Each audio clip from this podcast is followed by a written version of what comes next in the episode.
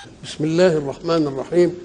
الحمد لله رب العالمين والصلاة والسلام على أشرف المرسلين وخاتم النبيين ورحمة الله للعالمين سيدنا محمد وعلى آله وصحبه أجمعين. وبعد فقد وقفنا في اللقاء السابق عند قول الله سبحانه أعوذ بالله من الشيطان الرجيم. أولئك على هدى من ربهم وأولئك هم المفلحون. وقلنا إن معنى مفلحون أي الفائزون بالثمرة الطيبة التي تفوق ما بذلوه من مشقة. كما يزرع الرجل الأرض فيعطي حبة واحدة تعطيه حبات متعددة. وقول الحق سبحانه وتعالى ومن الناس من يشتري لهو الحديث ليضل عن سبيل الله بغير علم ويتخذها هزوا أولئك لهم عذاب مهين. كأن الحق سبحانه وتعالى بعد أن ذكر الآيات وآيات الكتاب الحكيم وهدى وهدى للمتقين وهدى للمحسنين كل ده يبقى معناه إنه قال هؤلاء مفلحون وفيه أناس آخرون هم المستفيدون دائما بالضلال. لأن الضلال بيوجد ليه؟ الضلال بيوجد لأن ناس مخصوصين يفيدون من هذا الضلال فمن حظهم أن يستمر الضلال. لتظل مكاسبهم سيادتهم على الخلق عبوديتهم له أخذ خيرهم كل ده فالذين يضلون يأخذون خير الناس. فإذا ما جاء قانون يعيد توازن الإصلاح في المجتمع من الذي يكرهه؟ هؤلاء هم الذين يكرهون. وما دام يكرهوه يبقى لازم إيه؟ يحاربوه. ويحاربوه يعملوا إيه؟ يقفون أمام الدعوة. والوقوف أمام الدعوة مرة يكون بالاستهزاء يكون بالسخرية يكون بالتعدي يكون بأنهم يقطعوا عليهم سبل الحياة كما عزلوا رسول الله ومن معه في شعب أبي طالب.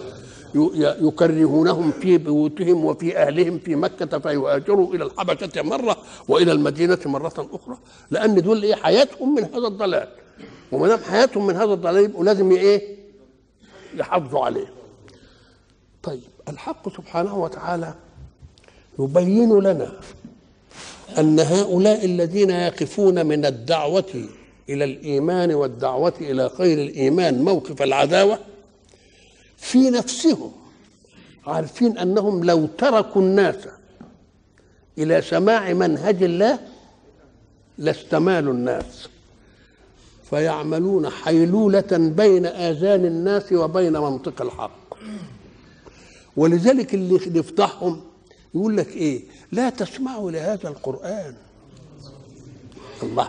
طب أنتوا عارفين القرآن ما يأثرش ما يسمعوا ولا ما يسمعوش؟ لا. ده هم واثقين إنهم أذن عربية وأذن ألفت الأسلوب الجميل والبيان الحلو. فساعة ما تسمع القرآن لازم إيه؟ تتأثر. فقال لك اللي ينفع بقى نعمل إيه؟ يقول له ما تسمعوش القرآن. ومش بس ما تسمعوش وسيبوه يتكلم والغوا فيه. زي ما تقول شوشوا على الخطيب دي. شوشوا عليه عشان ما يتكلمش. يبقى معنى ذلك أنهم وثقوا أنهم لو تركوا آذان الناس إلى أن يسمعوا جمال القرآن لأشفقوا أن يؤمنوا. طيب وإيه كمان؟ أم قال لك وإذا رأوا الناس بعض الناس انصرف إلى الإيمان يقول لك من نأتي لهم بصوارف أخرى تأخذ آذانهم وتجيبهم من ناحية صوت الحق ده بأن نجيب لهم شيء من الباطل يغريهم بأن يسمعوا. هي الآية دي جاية عشان كده. ومن الناس الناس اللي هم من الناس بتفويض التبعيض. ومعنى التبعيض يعني بعض الناس. طب البعضية دي مين تشرحها بإيه؟ أي المستفيدون من الضلال. الذين يهيجهم أن يحكم الناس جميعا بمنطق واحد وهدف واحد وهدى واحد وهم عايزين يتميزوا وعايزين يبقوا ظلمة وعايزين يبقوا جبارين في الأرض. أهم دول الناس. يعملوا إيه؟ ومن الناس من يشتري لهو الحديث. اولا كلمة يشتري مفهوم فيها ان واحد يطلب سلعه يطلب سلعة ويدفع فيها ثمن. مش كده؟ وياخدها يبقى هو مشتري وبائع السلعة إيه؟ بائع. على الأول. أدي واحد دي كلمة ش- يشتري من اشترى ويشتري. قال لك كلمة شراء وبيع دي فيها كلام طويل. إزاي؟ قال لك لأن دي معناها استبدال. بتستبدل شيء بشيء. بتدفع ثمن وتاخد مسمى أم قال لك طيب إيه الثمن وإيه المسمى كان الأول ما فيش نقد. والمسألة تبادل. سلعة بسلعة. سلعة بسلعة. ما دام ما فيش نقد يبقى سلعة بإيه؟ يبقى أنا محتاج إن أنا أنت تاخد سلعتي وإيه واخد إيه؟ محتاج آخد سلعتك يبقى كل سلعة مبيعة ومشتراه كل سلعة تبقى إيه؟ مبيعة ومشتراه يبقى الشاري زي البائع لأن كل واحد بيبيع وكل واحد بإيه؟ بيشتري ولذلك تجد القرآن عبر عن المعنيين قال إيه وشروه بثمن بخس دراهم معدودة وكانوا فيه من الزاهدين. شروه يعني إيه؟ اشتروه ولا باعوه؟ آه يبقى شروه بمعنى إيه. هات بقى تانية. ومن الناس من يشري نفسه ابتغاء مرضات الله. ده بيبيع نفسه لمرضات مين؟ يبقى شرى جت بمعنى إيه؟ شرى وبمعنى إيه؟ وبمعنى باع. طب على الأول ليه؟ قال لك لأن الأول كانت المسألة مسألة سلعة بسلعة. وما دام سلعة تبقى كل سلعة مبيعة وكل سلعة اشترى يبقى دي تطلق على دي. لكن لما قالوا اشتروا خلوا اشتروا دي لمين؟ للشراء اللي بثمن. يشترون بآيات الله إيه؟ ثمنا قليلا. إن الله اشترى من المؤمنين إيه؟ أنفسهم وأموالهم بإيه؟ بأن لهم الجنة. عادة الباء تدخل على المتروك. اشتريت كذا بكذا. يبقى بكذا ده اللي انت تركته عند ال- البائع. واللي خدته تبقى الباء تدخل على إيه؟ على المتروك. هات بقى هنا. ومن الناس من إيه؟ هات بقى هنا. من يشتري. يبقى يشتري يطلب اولا حاجة يشتريها. ويدفع فيها إيه؟ ثمن طب المشترى إيه؟ لهو الحديث. آه هنقف عند دي بقى. لهو يعني إيه؟ ما هو اللهو؟ قال لك القرآن تكلم مرة عن اللهو وعن اللعب. وثلاث آيات في القرآن قدمت اللعب على اللهو. وما الحياة الدنيا إلا إيه؟ لعب ولهو. يعلموا أنما الحياة الدنيا إيه؟ لعب ولهو وزينة ما فيش هنا تقدم الله إلا في الآية واحدة. إيه هي وما هي إلا لهو ولعب. وما الحياة إلا لهو ولعب. اشمعنى أقدم لهو هنا؟ وكل ما آيات يقدم فيها لعب. أم قال لك ليه؟ لأن اللعب أن تصنع حركة غير مقصودة المصلحة. زي لعب الأطفال. ولذلك إحنا بنقول ده لعب عيال. يعني شيء لا يقصد به شيء إيه؟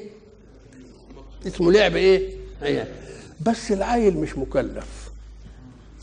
ما شغلش بدي عن غيرها لكن إذا انتقل إلى مرتبة التكليف وعنده مكلف يشتغل باللعب ده عن المطلوب. يشتغل بهذا إيه؟ عن المطلوب. يبقى اللعب إيه؟ حركة غير مقصودة لمصلحة بل هي لقتل الوقت كلعب الأطفال ولا يكونش مشغول بها عن غيرها. إنما الله برضه فيه هذا بس مشغول به عن إيه؟ عن حاجة مطلوبة. ولذلك وإذا رأوا إيه؟ تجارة أو لهوا انفضوا إليها وتركوك قائما. يبقى بيشغل عن شيء بإيه؟ بشيء. طيب هنا بيقول يشتري لهو الحديث إيه القصة دي؟ وإحنا قلنا إن الجماعة اللي وقفوا أمام الدعوة الإسلامية كانوا يريدون أن يصرفوا آذان الناس عن منطق القرآن ودعوة رسول الإسلام. وعايزين يصرفوهم فيجيبوا لهم حاجة تشغلهم. الحاجة اللي تشغلهم إيه؟ قال لك القرآن بيتحدث عن عاد وثمود وفرعون ذي الأوتاد وبيتودع عن مدين وعن مش عارف إيه. طب ما نجيب لهم شوية قصص ها؟ ويقولوها ونقولها لهم كده ونقعدهم في سمر زي ده زي أبو زيد الهلالي وبتاع وحاجات زي دي. فكان واحد اسمه النضر بن الحارث أو جوال في البلاد. فراح فارس فلقى هناك قصص لرستم وقصص لاسفنديار قصص لأكاسرة الفرس قصص لملوك الحمير فجاب الحاجات دي واشتراها وقعد عمل نصبه عشان إيه؟ يتكلم الحكاية دي ويشغل الناس عن مين. وبعضهم قال لك لا ده واحد تاني جاب مغنية تغني بقى وتتكسر في غناها عشان برضه يشغل الايه الناس. يبقى أنا ومن الناس نقول له تعالى بقى. اولا كلمة يشتري يدل على أنه طلب. اللي رايح يشتري حاجة بيطلبها اولا. وبعدين يدفع ثمن. يشتريها وهي نفسها سلعة خسيسة. يبقى كم حاجة؟ يطلب. أدي مجهود. يدفع ثمن. أدي غرم السلعة خسيسة أدي خيبة. كيف يصنع ذلك؟ وأمامه أشياء.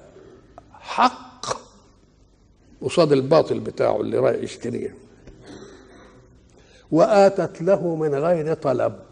فضل الله أنزلها عليه برسول. ما طلبها. ومن غير ثمن. قل لا أسألكم عليه أجرا. يبقى شوف الحمق بقى جاي من كم ناحية. اولا طلب وده. وبثمن. وباطل. مع أن اللي بيقولوه له الرسول حق. ومن غير طلب.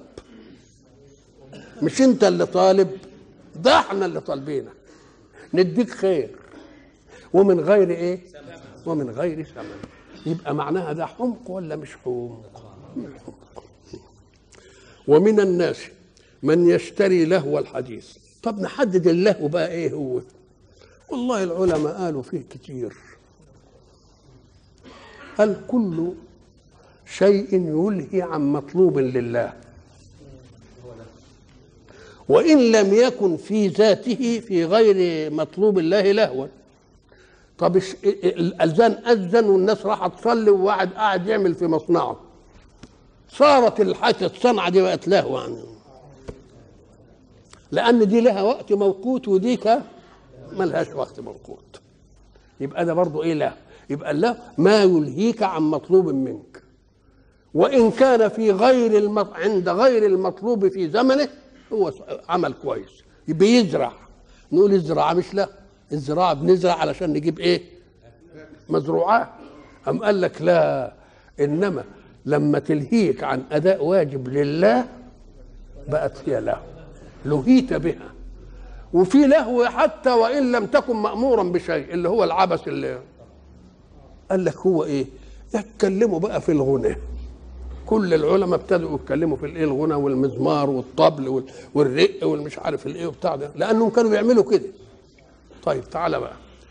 العلماء حينما يتكلمون في هذا بيتكلموا كلام محدد. يقوم غير اللي بيدوا يجيز الأشياء ياخد زاوية من كلامهم ويطبقها على غير كلامهم. العلماء قال لك ما فيش مانع. في الأفراح إننا إيه نؤنس بالغنى. والنبي أمر به. وفي الأعياد مش قال مش قال لابو بكر هذا يوم عيد نحن في يوم عيد. وقال لهم ابعثوا للمش عارف ليه مغنيات تغنيهم. طيب وإيه كمان؟ أم قال لك كذلك الأعمال الشاقة. بيقعدوا ينشدوا ولذلك تلاقي كل جماعة بيعملوا أعمال شاقة إيه؟ نشيد. نشيد ده بيعمل إيه؟ يطربوا أنفسهم فيلهيهم عن متاعب العمل. قال لك طيب المرأة اللي عمالة تهني ولدها وتغني له لو انكحنا بابها جارية خدابة مكرمة محبة تجب أهل الكعبة. مثلا الله ال- ال- ال- اللي بيعمل نشيد عشان يديك حماس في الحرب ومش عارف إيه والى آخره. مقبول ولا مش مقبول دي؟ يبقى ده مقبول. اذا كل شيء له غرض نبيل. نيجي نقول له الغناء بس مش هو اللي وحش. النص من غير غناء. إن أهاج غرائزا يبقى حرام. ليه؟ قال لك لأن الله يعلم أن طبيعة الغرائز في الإنسان اسمها غريزة. غريزة لها عمل في ذاتك وتفاعل من غير أي حاجة. فما تهيجش الغريزة بغير طاقة الغريزة. خلي الغريزة كده ما تهيجهاش لأنك لو أهجتها يحصل إيه؟ يحصل عملية نزوع. ولذلك إحنا قلنا إن الشرع لا يتدخل في الأعمال إلا عند النزوع. النزوع يعني إيه؟ إحنا قلنا زمان إن مراتب الشعور في الإنسان أن يدرك بحواسه. وردة مثلا شفتها زي ما قلنا وردة. أدركت جمالها بعينك. فأعجبتك وسررت بها. من نعمتها ومن شكلها ومن مش عارف من ريحتها وكل حاجة فيها كده. يبقى أنت أدركت ما حدش قال لك ما تدركش. حصل لها في وجدانك حب وعشق ما حدش قال لك ما تعشقش اعشاء الوردة. إنما جيت تمد إيدك لا تقطفها يقول لك مش بتاعتك. فكأن الشارع. يتدخل في أي مراتب الشعور في مرتبة النزوع أما الإدراك وأما المواجيد ما حدش له إلا في شيء واحد الذي لا يمكن فصل النزوع عن المواجيد فيه وهو نظر الرجل إلى المرأة ساعة ما ينظر الرجل للمرأة ويجد فيها جمال يعجبه ويطربه. المسألة مش هتتع... مش هتفضل بس عند الإعجاب. ده هيحصل في جسمه انفعال خاص يورث في نفسه تشكيلا خاص لا يهدأ إلا بأن ينزعه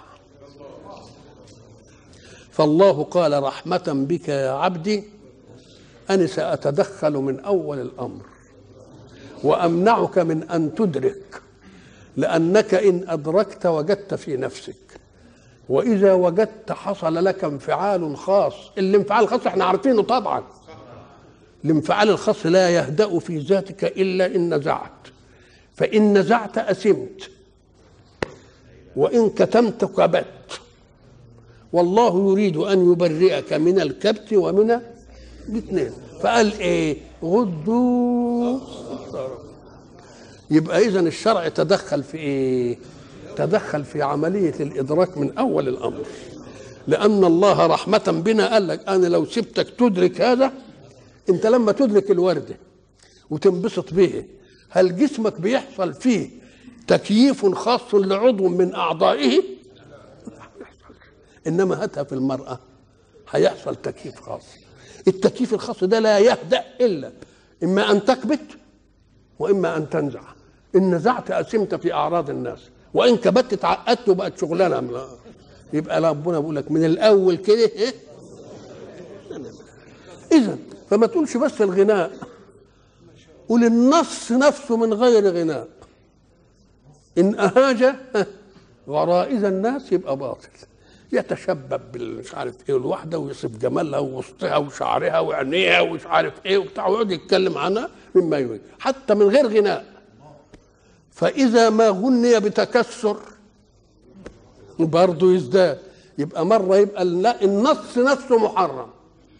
ومرة يبقى تلحينه المبني على التكسر والبتاع محرم. وال وال وال والأداء نفسه مبني لأنه يستعمل غير الصوت أشياء أخرى. يروح مهزوز بقى من تحت ومن فوق ويعمل بقى الحركه الله! معجنه هي ولا إيه؟ إيه الحكاية بتاعتكم دي؟ يبقى اذا لازم لازم الإنسان المؤمن هيوضع الحد الحد. النص المهيج الذي يخرج الإنسان عن وقاره وعن رزانته محرم النص نفسه. فإذا أضيف للنص لحن متكسر يبقى محرم مرتين. إذا أريد له أداء مهيج بحيث يستعمل في شيء غير الصوت بحيث تستعمل الأيادي والعينين والمش عارف إيه والوسط والبتاع والحاجات اللي زي دي تبقى بقت إيه؟ يبقى اذا أنت الحكم في كل ذلك إنما مثلا في الأفراح مثلا بتبقى مرة يعني يغنوا للبت يبسطوها مثلا. في الأشياء اللي قلناها الحداء النبي ما قالش لانجشت رفقا انجشته بالقوارير. رفقا انجشته بيحدي الجمال تقوم الجمال تسمع الصوت الإيه الحلو. تنشط في السير. لما تنشط في السير الهودج يت- إيه؟ يتحرك. لا يتحرك الستات اللي جوه يطقشوا ببعض فالنبي قال القوارير ما تستحملش الحكاية دي. وسمى المرأة إيه؟ إيه؟ القارورة. يعني آه من اللطف ومن الدقة و- وإلى آخره. فإذا ما نقعدش بقى ندخل في متاهات. هنا حرام ولا حلال والموسيقى مش عارف إيه وبتاع. والله يا سيدي كل واحد حكم في نفسه. النص إن اهاج وأخرج عن الوقار إلا ما بتشوفش ناس في الخارج محترمين ومراكز كويسة. قالوا يقعد يسمع مثلا واحدة بتغني يروح ماسك لها لوحده. بالله مش هو ده اللي بيحصل. خرج عن وقاري ولا ما خرج خرج عن وقاري مفهوم ولا لا؟ فدي ها؟ فدي مسألة كل واحد يبقى حكم فيه إنما النبي عليه الصلاة والسلام لما جه إذا كان أبو بكر قال أمزامير الشيطان في بيت رسول الله يعني لازم سمع حاجة يعني. فراح بده ينهرهم قال له دعهم إحنا النهارده عيد معلش يعني. ولذلك إيه؟ يقول لك روحوا القلوب ساعة بعد ساعة. مش تعملوها بقى وجبات. الوجبات معناها إنها أشياء ملحة يعني ويبقى لها مش عارف. اذا المسألة مش عايزة إننا نقعد نتفلسف ونقول لك الغنى والآلات ومش عارف إيه نشوف. كل شيء يخرج الإنسان عن سمت اعتداله ووقاره يبقى حرام. نصا بغير لحن أو لحنا بغير أداء أو أداء أو أداء مصحوبا بما لا دخل له في الغناء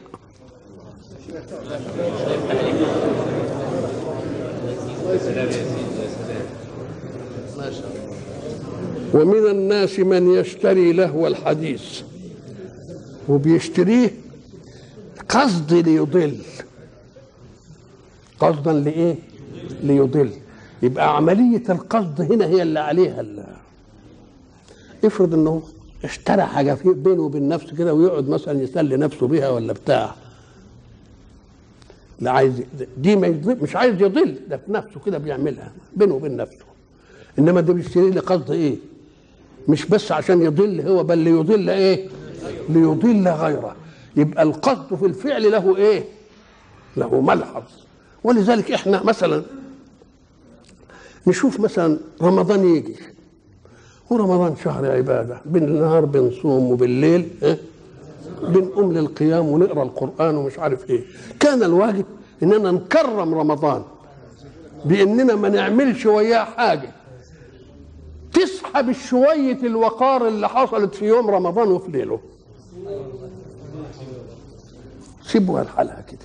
إنما أقول لك إحنا بندي اللي عايز دي ياخد واللي مش عايز دي ياخد ومش آه كل قال يعني بيدوا للناس إيه؟ أمزجتهم. إنما الانسان له ولاية على نفسه بقى. الولاية على نفسه إنك أنت ما تتهمش في حد تاني. ما تقولش بيزعوا لنا كذا وبيعملوا كذا لأنهم ما حكموش عليك إنك تشوف. ما حكموش عليك إنك تسمع. ما عملوش مخالفة للي ما يسمعش. مفهوم ولا أنت ضعيف بقى عن إنك أنت تربي أهلك وبتاع وبعدين تتهم في الناس؟ لا ما دام ولايتك على شيء يبقى نفذ ما ولايتك فيه على نفسك. فإن نفذت ما ولايتك فيه على نفسك لم يبق لغيرك إلا خمسة في المية من حركة الحياة. مفهوم الكلام؟ آه نعم. ومن الناس من يشتري لهو الحديث. هو بس لهو الحديث بس اللي هو الغنى والبتاع ولهو الفعل كمان. ده ده أغلبها بيبقى الفعل. مش كده ولا إيه. ليضل عن سبيل الله بغير علم. بغير علم بإيه؟ أم قال لك يا ريته حتى عارف أصول التجارة في الشراء والبيع. ده أصول التجارة في الشراء والبيع. إنني لما أشتري حاجة المطلوب مني إنني تنفعني أكثر من ثمنها تنفعني؟ ادي أصول التجارة. ولذلك هناك أقول فما ربحت تجارته يعني حتى مش عارفين أصول التجارة. أصول التجارة إنك أنت تشتري إيه؟ عشان لما تبيع أو تنتفع تنتفع بأكثر من مين؟ بأكثر مما دفعت من الإيه؟ من الأثمان. ومن الناس من يشتري لهو الحديث ليضل عن سبيل الله يبقى هيبقى ما هو لا يضل إلا إذا ضل. ولا هيضل وهو يبقى يعني مهدي ده هو نفسه. ذهابه لشراء الله هو ضلال يبقى ضل في نفسه. وبعدين كونه يسمع الغير وياخده يبقى يضل إيه؟ غيره. ولذلك يبقى له عملين اثنين ضلال في نفسه وإضلال لإيه؟ لغيره. ما, ما تقولش بقى لا تزر وازرة إيه؟ وزر أخرى. قول له لا ده هي المسألة عملين اثنين ده, ده ليحملوا أوزارهم واوزارا مع إيه؟ مع أوزارهم. ما تقولش ده وزرين على عمل واحد نقول له لا ده فيه وزر لضلاله في ذاته ووزر لإضلاله لإيه؟ لإضلاله لغيره. ومن الناس من يشتري لهو الحديث ليضل عن سبيل الله. السبيل هو الطريق الموصل إلى الخير من اقصر طريق. وصل إلى الخير من يعني ولذلك إحنا قلنا الطريق المستقيم اهدنا الصراط المستقيم.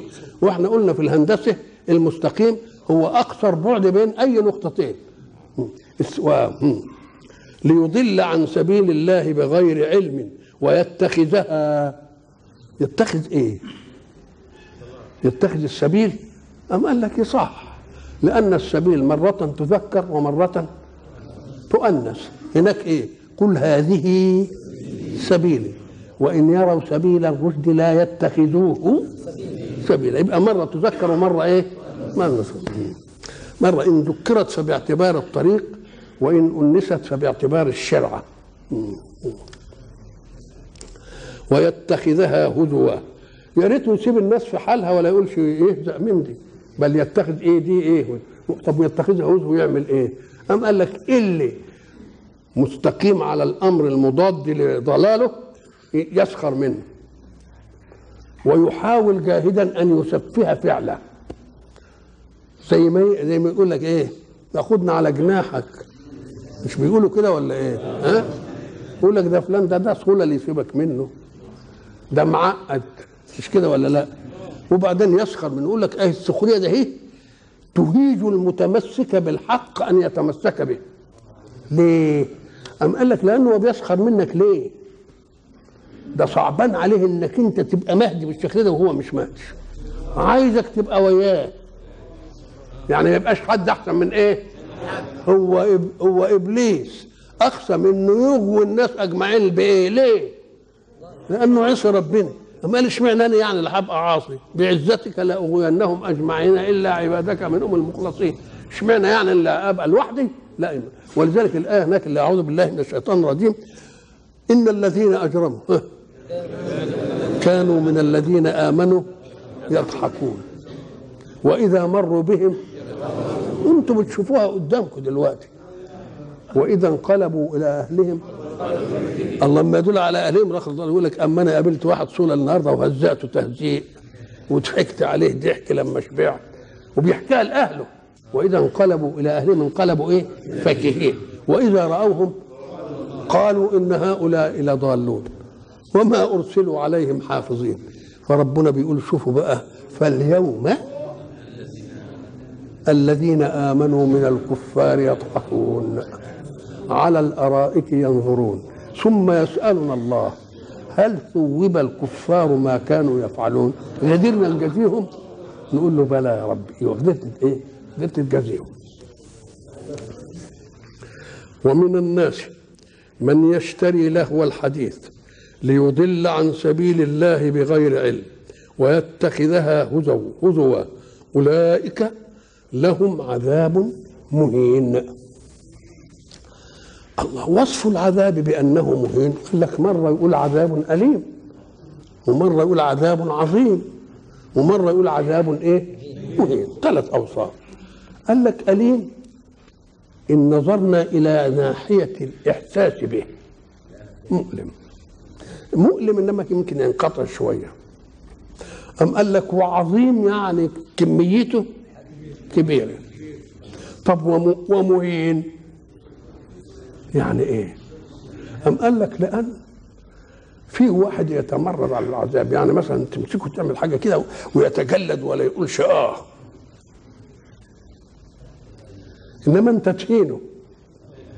تهينه ولو بكلمة. لما يكون شريف وكريم كده وبعد ذلك إيه متجلد ولذلك قال وتجلدي للشامتين.